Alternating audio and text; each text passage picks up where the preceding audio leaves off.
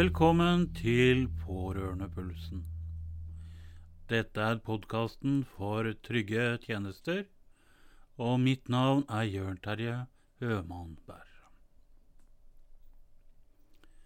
For de som ikke kjenner meg fra før, så har jeg vært pårørende til min mor, som var syk i mange år før hun døde. Jeg har også en bakgrunn innen helsefag og sykepleie. Og ønsker du å høre min historie, så ligger det en link i blogginnlegget vårt. Det å være pårørende er en rolle fylt med ansvar, omsorg og ofte mye usikkerhet. Og det er viktig å forstå hvilke rettigheter du har i denne rollen spesielt når det gjelder å være oppført som nærmeste pårørende. Å stå oppført som nærmeste pårørende er ikke bare en tittel. Det er din inngangsbillett til helse- og omsorgstjenesten for den som er syk. Det kan gi deg tilgang til informasjon, mulighet til å være en stemme for den kjære, i viktige avgjørelser dersom denne ikke greier det selv. Og en sjanse til å se inn i journalen for å forstå bedre hva som skjer. Ifølge pasient- og brukerrettighetsloven er det pasienten eller brukeren selv som bestemmer hvem som er deres nærmeste pårørende. Dette kan endres etter behov, og den som er syk, kan også utpeke flere personer hvis det er nødvendig. Og den som er syk, kan faktisk velge å ikke ha oppført noen som sine nærmeste pårørende. Og dette må helsepersonell ta hensyn til. Å være nærmeste pårørende er en tillitserklæring og kan gjøre det lettere for dere å samarbeide. Og som sagt så har nærmeste pårørende egne rettigheter med hensyn til informasjon, samtykke, journalinnsyn og klage. Så det er viktig at du faktisk står oppskrevet som nærmeste pårørende. Når det gjelder deling av informasjon, så kan et samtykkeskjema være greit å ha i forkant.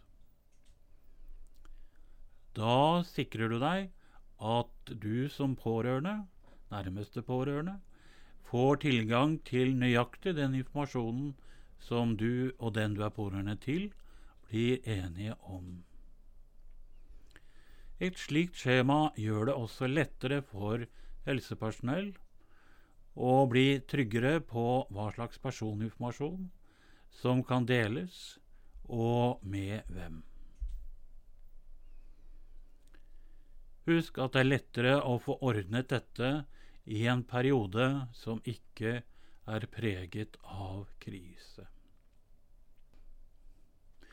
Og vi har et forslag til et slikt skjema i blogginnlegget vårt.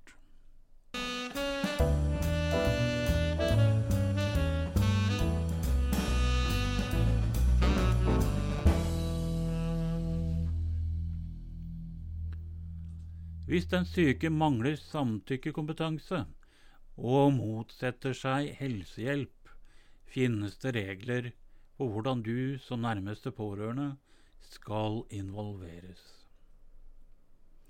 Og kort sagt betyr samtykkekompetanse at en person kan ta egne avgjørelser og forstå konsekvensene av valgene sine. Men her ligger det også flere kriterier til grunn. Og lovverket sier at det er helsepersonellet som yter helsehjelpen, som bestemmer om en person er samtykkekompetent eller ikke. Og dersom personen ikke er samtykkekompetent, så sier regelverket at nærmeste pårørende skal, der det er mulig, forhåndsvarsles før vedtak om helsehjelp fattes. Og nærmeste pårørende skal, der det er mulig, få mulighet til å gi informasjon om hva pasienten ville ha ønsket. Og nærmeste pårørende har rett til å medvirke ved gjennomføring av helsehjelpen. Du finner mer informasjon om disse rettighetene på helsenorge.no. Her finner du link i blogginnlegget vårt. Fremtidsfullmakt er et annet skjema som kan være greit å ha på plass. Og dette høres kanskje veldig formelt ut, men med denne sier du egentlig at jeg er her for deg, uansett hva fremtiden bringer.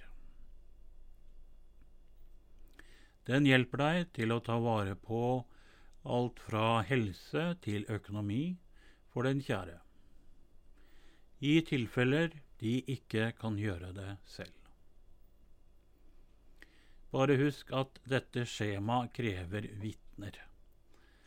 Så ta dette steget i rolige øyeblikk. Du finner en video om dette fra Nasjonalforeningen for folkehelsen i blogginnlegget vårt. Og Her finner du også en link til Statsforvalteren sine sider for mer informasjon. Å være nærmeste pårørende kan til tider føles overveldende. Men husk, du gjør noe utrolig viktig. Du gir ikke bare omsorg, du gir kjærlighet, trygghet og en stemme til den som betyr mest for deg. Så ta den viktige praten, bruk ressursene som er tilgjengelig, og husk at ved å være forberedt, så styrker vi vår evne til å gi den aller beste omsorgen. Dette var Pårørendepulsen, og jeg heter Jørn Terje Hømannberg.